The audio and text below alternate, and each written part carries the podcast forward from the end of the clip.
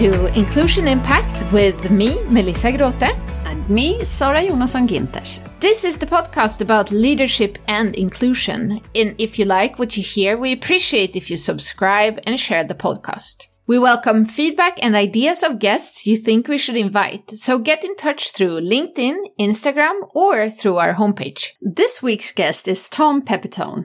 Tom has a decade's experience as a sales manager in tech. He's been building and coaching sales teams at Juniper, Lookout, Cisco, and now he's working for Sentinel One as commercial sales director. He's passionate about working with early in career talents and making an impact by supporting them in their personal and professional development. Studies in international relations, curiosity, and life have taken him from New York to Russia to Amsterdam.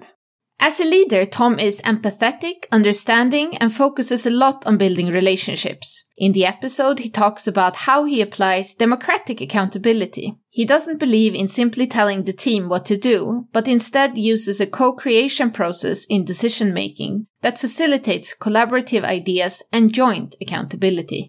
Tom openly shares a personal story about taking a time out for healing and recovery. The biggest challenge when he returned to the business was that some colleagues saw his absence from work as a sign of weakness.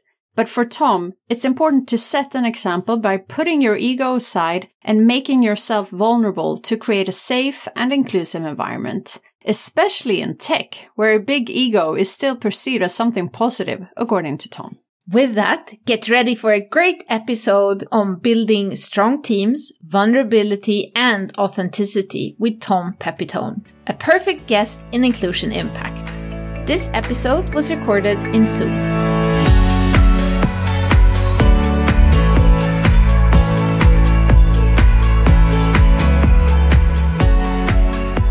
A very warm welcome to Inclusion Impact, Tom. How are you today? Hi, Melissa. I'm doing fantastic today. Very excited to be here. It's my first podcast. Oh, wow. Super. So we're, we're really excited that you're here with us today. And, um, we always start out with a few questions just to get to know our guests a bit better and for our listeners to get to know our guests a little bit better. So could you tell us about your career journey and what you do today? Certainly. My name is, well, depending on which side of the Atlantic Ocean you are on, my name is either Tom Pepitone or Tom Pepitone. um, you can probably hear by my accent that I'm an American living many years here now in the lovely city of, of Amsterdam. If I look at my career, I've probably spent the vast majority of it based here in the Netherlands, although did not get my career started in this area. But I've been in the tech industry working out of Amsterdam for almost 10 years now. I started very much in, well, a time and space when IT business was very hardware driven. So a lot of my experience is working with uh, sales teams, primarily early in career sales teams in the hardware space. And I've worked for organizations such as uh, Juniper Networks and Cisco Systems. And uh, most recently, I am working for a cybersecurity and endpoint cybersecurity company by the names of Sentinel One. I joined about six months ago and my responsibility is the uh, commercial sales director.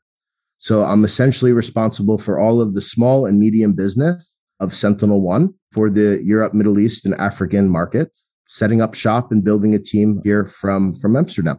And what brought you to Amsterdam? Good question. I'd love to say that it was for strategic business career development journey. But of course, as we all know, things don't normally work that way. I came over here for love. I had fallen in love in the end stages of university grad school with an exchange student from the Netherlands. And I found any excuse possible through study or through work to get over and try to be participating in at that point what I thought was a European life. Um, so that brought me over here, I guess initially back in 2007, 2008 time period. And from our early conversations when we talked, you have other international experience too, living in other countries. Could you yes. tell us a bit more about yes, that? Yes, indeed. so, uh, well, there's a bit of a Swedish connection here. When I was a boy, my parents had two different VHS tapes that were not Disney movies.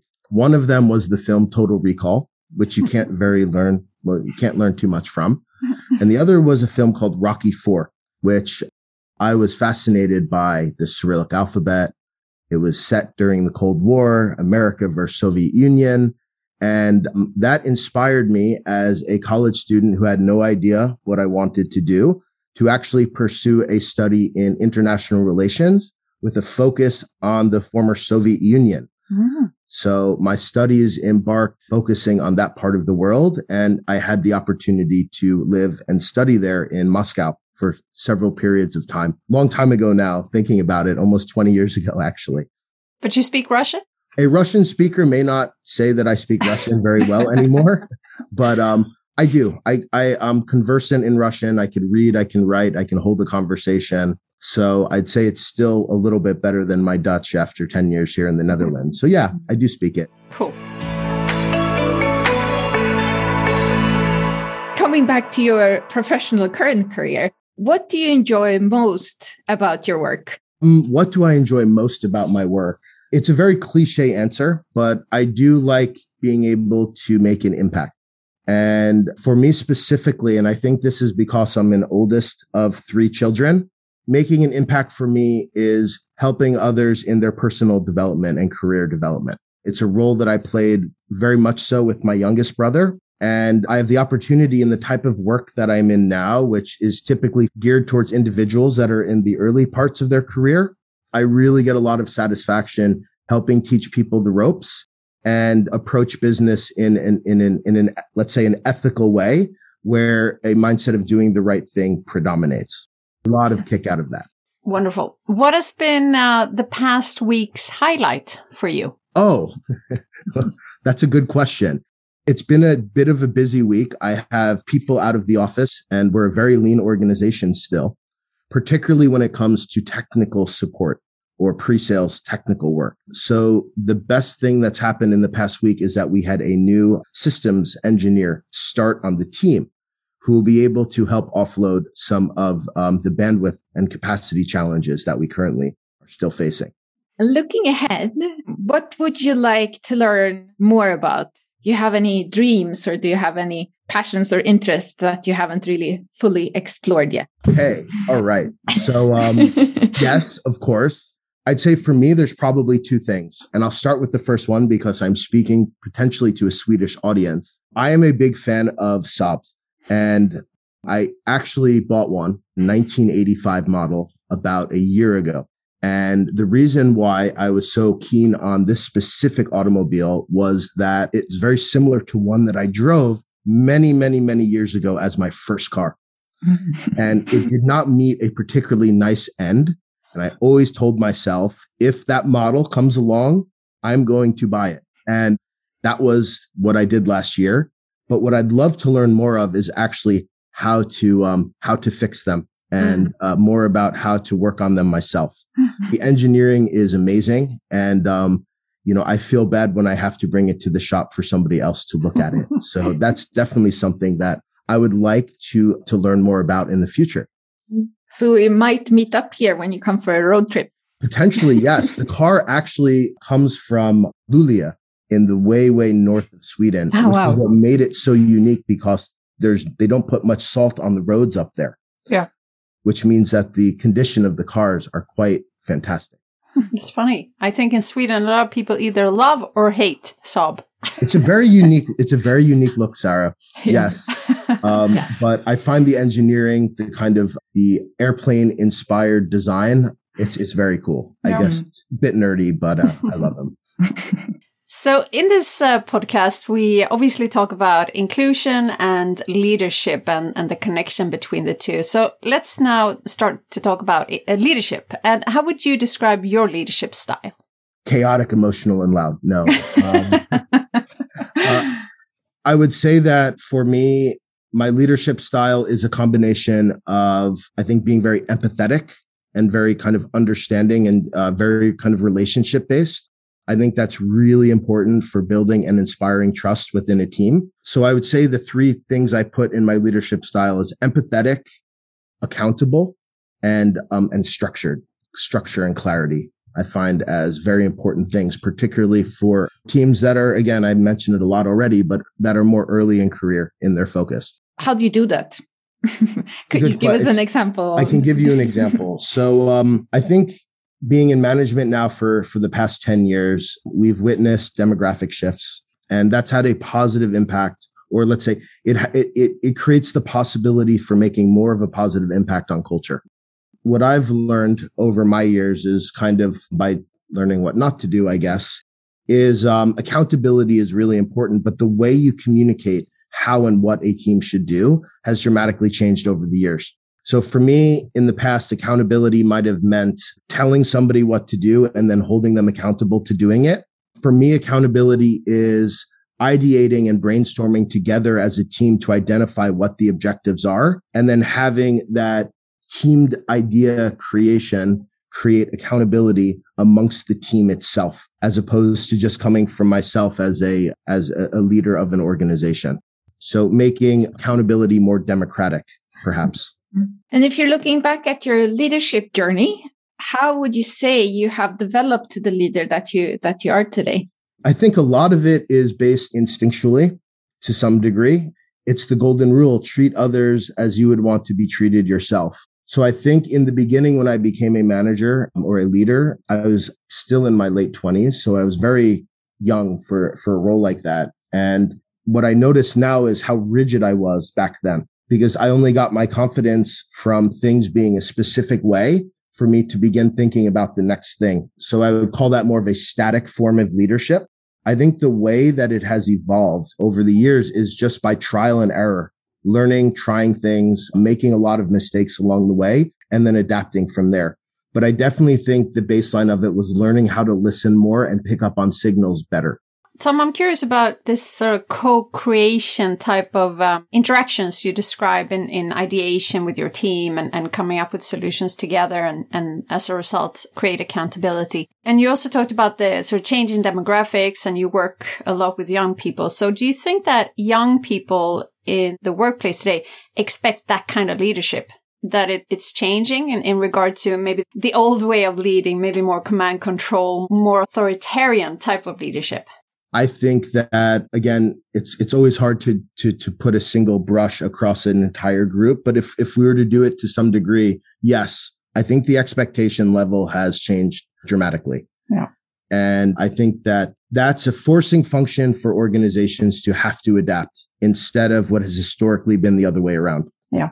And um, I think the organizations that do it better have less challenges with attrition and have higher retention levels than, than, than others. But, um, I think it starts with being able to listen, not just shout out demands, but really helping people understand why it's necessary to do something in order to gain buy-in. So the way that, you know, I think in the past, buy-in wasn't necessary.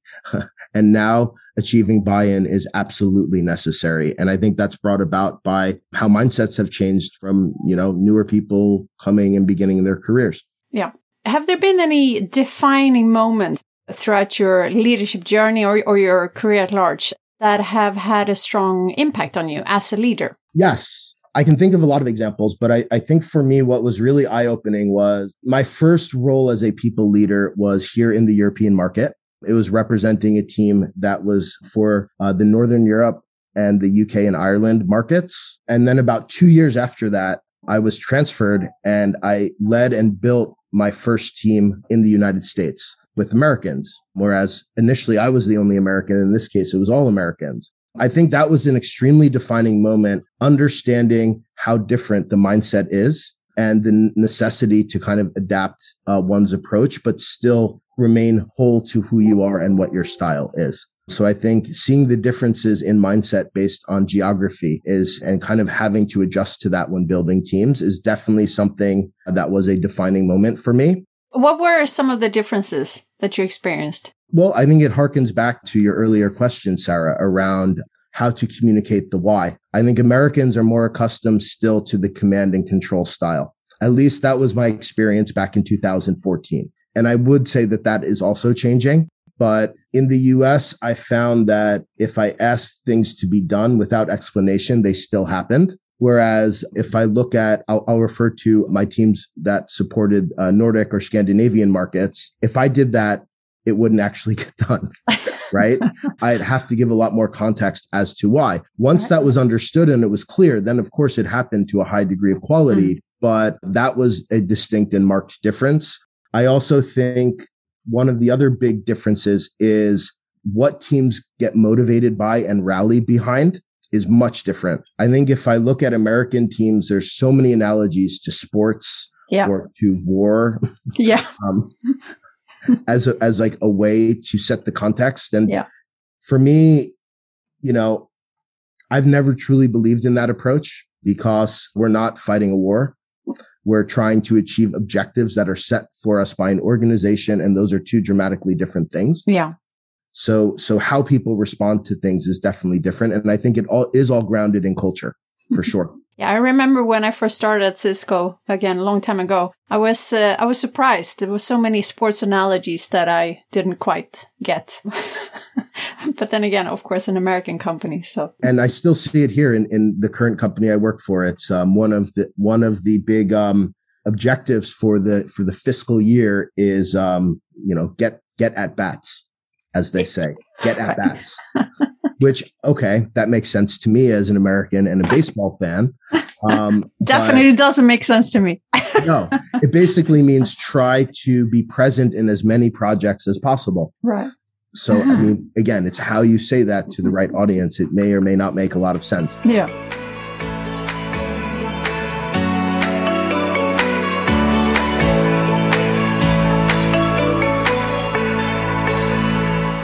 Tom, you already touched a little bit upon making mistakes, and that's how you have developed to, to becoming the leader that you are today. Do you have any mistakes that have set more of a deeper yes. experience or a deeper, deeper learning for you?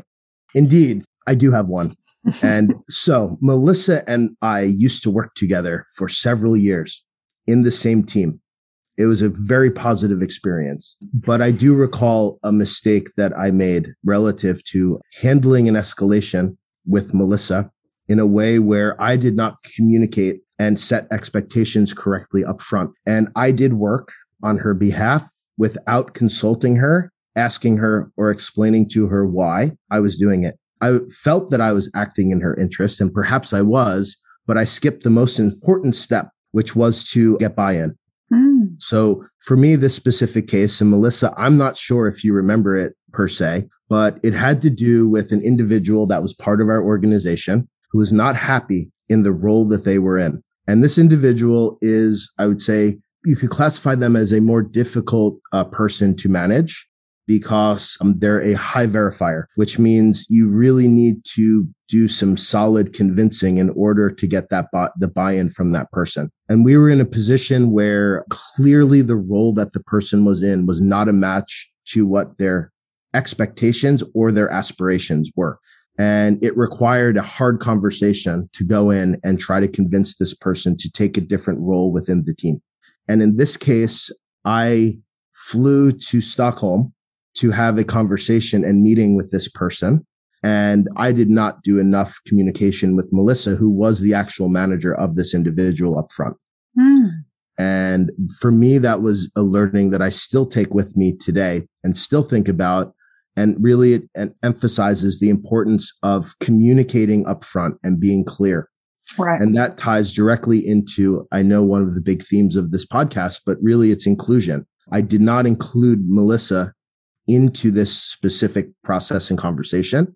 I looked at it at that time that I was trying to protect her from having to go through such a difficult conversation when I didn't know whether she was comfortable or not even having it. And I should have asked. Right.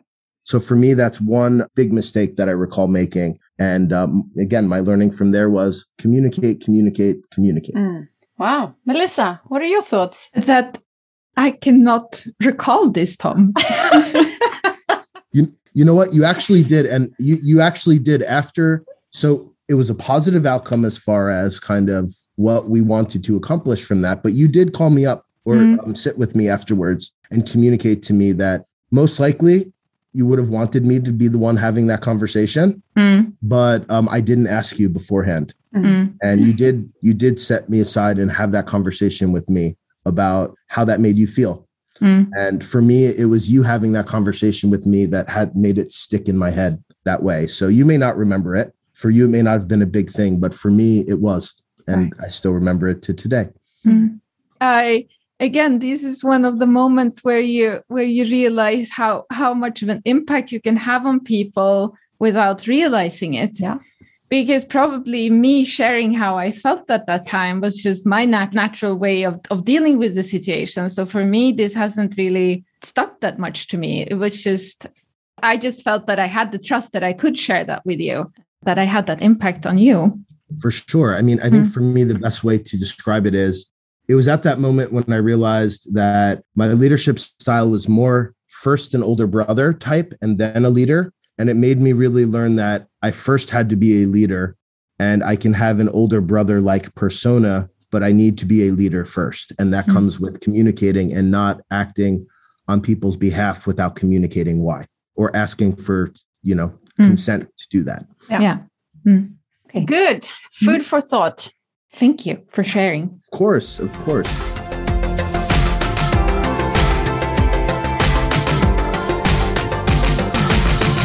Now, Tom, we've come to the part in the podcast where we ask our five short questions with short answers. So, first of all, what are you most proud of as a leader? I would say the 75 plus individuals that have matriculated through an organization that I was leading, meaning the recruitment hiring process, the two or so years being part of a team and learning, and then taking that and moving on and progressing in their journey. What do you think is the most difficult thing with leading?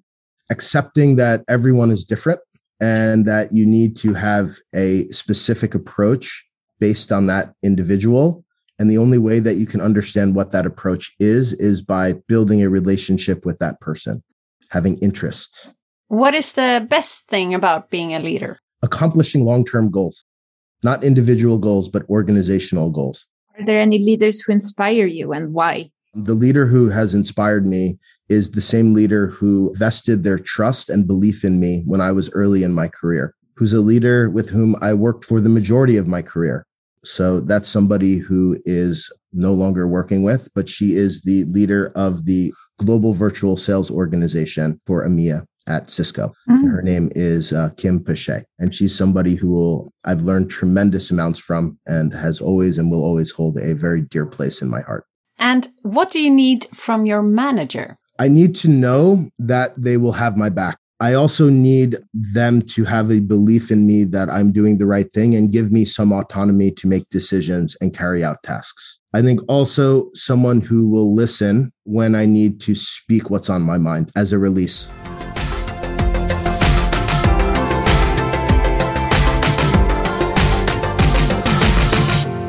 Now we are moving on to the other topic, which is inclusion in the podcast.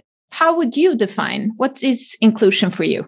I think inclusion, I think it's open communication. I think inclusion is the ability to foster an environment where people can openly communicate with each other and in doing so inspire trust. And what would you say is the, then the link between your role as a leader and creating that type of environment? Setting the example.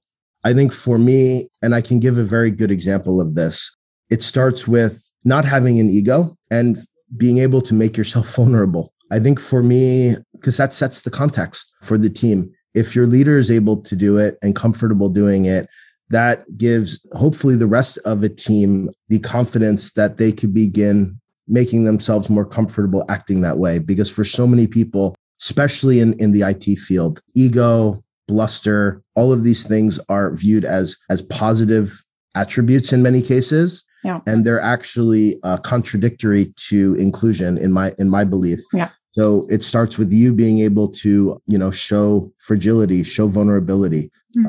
I think that's what it means. And how do you do that? Because vulnerability is often a word that is coming back talking about inclusion. But how do you do that? As you say, it is difficult. So, what have been your mindset and how have you been able to show your vulnerability? I can give a story, and it was a difficult one. And Melissa, you're partially kind of in the loop as to this story. When I started my job that had the most responsibility organizationally, and was also my first job being a manager of managers type function, I also had a lot of difficulty in my private life at that exact time. And I'd spent about a year, year and a half trying to be able to cope, in my case, going through a, painful divorce while trying to lead an organization of almost 100 people. I reached the point where I knew that I wasn't able to fix myself while being in a job with that much pressure and responsibility. And I made with the support of my boss, who I mentioned as um, the leader who inspires me, to take time off for myself and really focus on healing. And as such, being an Italian American New Yorker man, made the very difficult decision that this is what I need to do. And I took four months off and I used that time to try to reset myself. The hardest part was coming back and setting the context with the team as to what happened and why.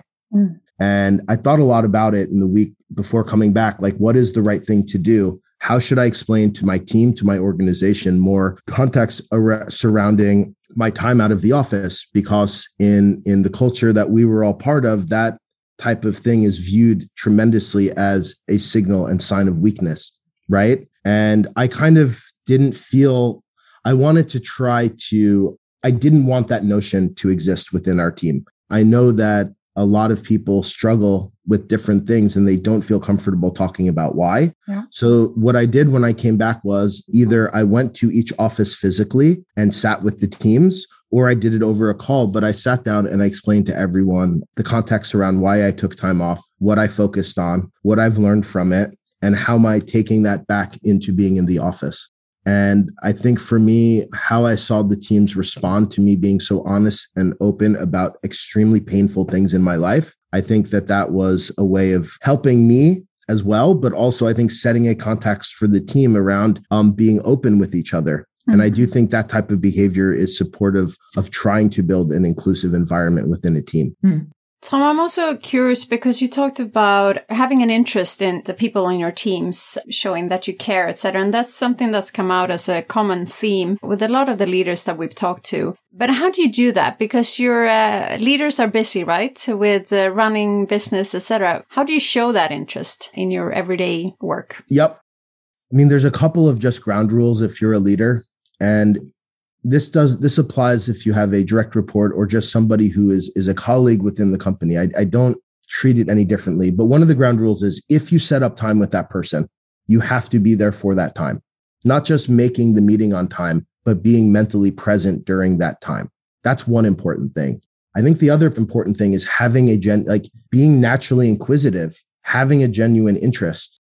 If you're a leader, is there a bit of a modus operandi behind why you do that? Probably yes, in that I'm trying to find points of relatability to an individual so that we can begin to build trust. In my case, I do it because I'm generally interested in other people's backgrounds. I think being American and America being such, in many respects, such a homogenous society, for me, the greatest kind of career thrill is being able to interact with people from different backgrounds and experiences. So that's always been for me a driver to be inquisitive around getting to know that individual. And in doing so, maybe more opportunistically finding that common ground and in doing that finding what what ticks. But that's a that's an effort that you don't accomplish in one meeting. Yeah. So it's about kind of setting that kind of cadence or whatnot with them where you begin to do that. And I usually take it very slow in the beginning with what my asks are until I find what makes that person tick. And what about during the last year? Well, more than the last year with the pandemic, leading virtually and digitally. Have you had to change the way you connect with your team members or has it, has it stayed the same more or less? Or have you, have you had to change at all? Oh, of course, we've all had to change. And I think, I think we all recall fondly that a lot of the trust building comes from spontaneity or doing events and activities together as a team. And obviously that's become much more challenging, if not impossible during periods during the, of this time. Yeah. So a lot of things become more scripted as a result of that. It's trying to test different ways to have engagement, both on a one to one level and also on a one to many level within a team. And that's just making sure to set aside the time. And when you have interactions, and this is sometimes difficult for me, but not having to talk about work all right. the time. Yeah. You know, what are, you know, in my case, I have a lot of people on the team who are very new to Amsterdam and are internationals. So normally a conversation would drive at, okay, how are you settling into the Netherlands? What are you finding difficult? You know, if you speak to somebody on your team who comes from perhaps from Austria, Austria and Netherlands geographically are much different places. so, you know, yeah, you miss skiing. Have you done any biking? Do you have a bicycle? But just trying to kind of, you know, have a conversation to to to tap into passions and knowing that even though you might have one time a week to speak to a person and there might be things business wise that you want to cut across, that's not always the right thing to do at that moment because you do need to invest time in the other things and you're not going to be able to replicate it like you were when you're in the office and oh let's go grab a coffee or or a sandwich or I shouldn't say it but a cigarette. and if you live in Amsterdam without a bike it's going to be difficult isn't it? I try with a lot of you know it's um it can be nerve-wracking cycling in Amsterdam. uh but I think it's it's uh I always try to get people on a bike, yes. Because it's the best way to learn and discover the city. It's also by far the most efficient way to get around the city. Exactly. Yeah. Mm-hmm. So investing the time, taking the time to not just talking about business and leading in the way that that you have described to create this inclusive environment. What are the main benefits that you see coming out from this? Oh, innovation for sure. I mean, that's I think for me, and I took a couple notes down, I think there's a direct connection between inclusion and innovation. So, what comes from it are new ideas, new approaches, and I think an environment where there is a room for diversity of thought. Mm-hmm. I think so you you you get a team where not everyone is a version of the same person, but you get a team where everyone is focused on the same goal, but you allow for differences in approach in achieving that goal. And by having those, that diversity is what drives kind of innovation. So I found teams that are inclusive. And for me, when I talk about inclusion, I'm really, you know, there's different definitions of what is in, what is inclusive team look like. Mm-hmm. For me, the, the primary definition is diversity of mindset. Mm-hmm. Room for diversity of thoughts. I like that. Yeah. Do you think there are any aspects in tech that make inclusion either easier or more difficult? Oh, so the organization, I, will first off start off by saying, as a whole, the industry is not where it needs to be. But I do think the industry that all three of us spent a good deal of our time working for is probably the best in the business at it in terms of maybe not diversity of mindset, but definitely diversity of background and gender and race, such as this. Right. I think that you still see that there are certain demographics that predominate within our industry. Question is why? I think it has to do with a combination of a lot of things. Where we're recruiting from and demographically is going into that type of education. Yeah. Let me take some water here. So sure.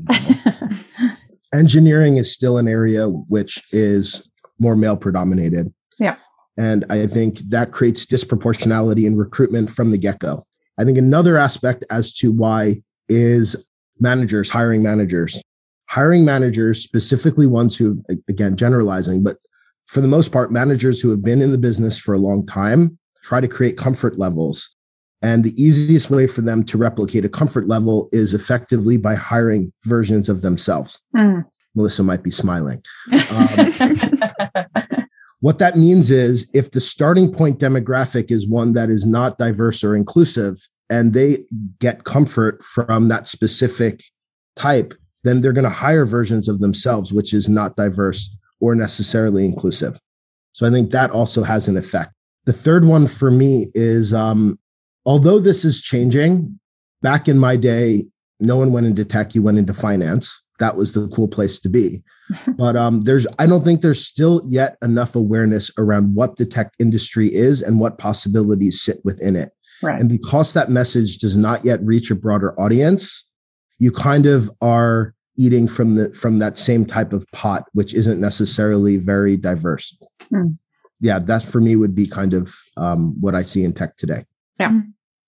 I just want to tap into what you were sharing before also about being more vulnerable and the powerful story that you shared with us. It's also about the culture and norms and the ideas of how you should be. And if that is specific for tech, I don't know. But I think that was a very clear example of how you can make a difference as an individual in being more authentic and being more vulnerable, creating a wider, safer space for more diversity and for including more people to feel safe and at home in that environment. Yep, for sure. I just wanted to reinforce that because I don't think it's many leaders coming out and sharing in such an authentic way when you go through something like what you did. Now we've come to the end of this conversation, and uh, we would like to wrap up. If you could share with us your three top leadership tips to create more of an inclusive environment. No judgment. That's a hard one sometimes, but try to always second guess your initial instinctual response to something. That's one. Second one for me, and this is kind of maybe too broad and cliche inspire trust and start with yourself first in trying to do that. The last thing for me is communicate and don't avoid. There's always times where there's difficult topics that we call it in English an elephant in the room it's really easy to pretend like the elephant isn't there, but at some point it's going to stomp you. Yeah. And it comes back way harder than how it entered. Right. So, as a leader, it's really important to address those challenges and communicate through them in a neutral and objective way. For me, those are the three. Really good uh, advice. And and do you also have an a sort of everyday action, something that our listeners could start doing already today to become more inclusive? Yes. Talk to each other. Go to lunch with each other if you can. The world is a bit more open than it was. Do we still need to be careful and cautious? Yes. But that doesn't mean it's impossible. I think that everyone has gotten into a comfort zone, which is somewhat isolating. And we need to force ourselves to try to break it, but also not pressure ourselves to break it either. And I think that starts just organically, step by step. Take each other to lunch. Don't talk about work at lunch find out how we're doing, try to rebuild those bonds. I think another kind of more practical tip for teams is do stand up meetings, even if it's once a week. What's going on? What are we doing? Try to get people on the same page. Prompt engagement somehow. That's my tip. Thank you so much for being a guest in our podcast, Inclusion Impact, today. We really enjoyed the conversation with you.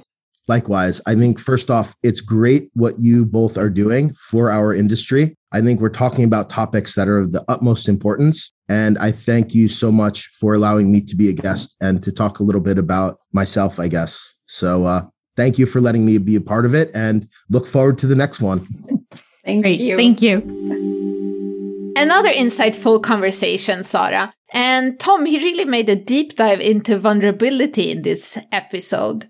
What are your thoughts on vulnerability?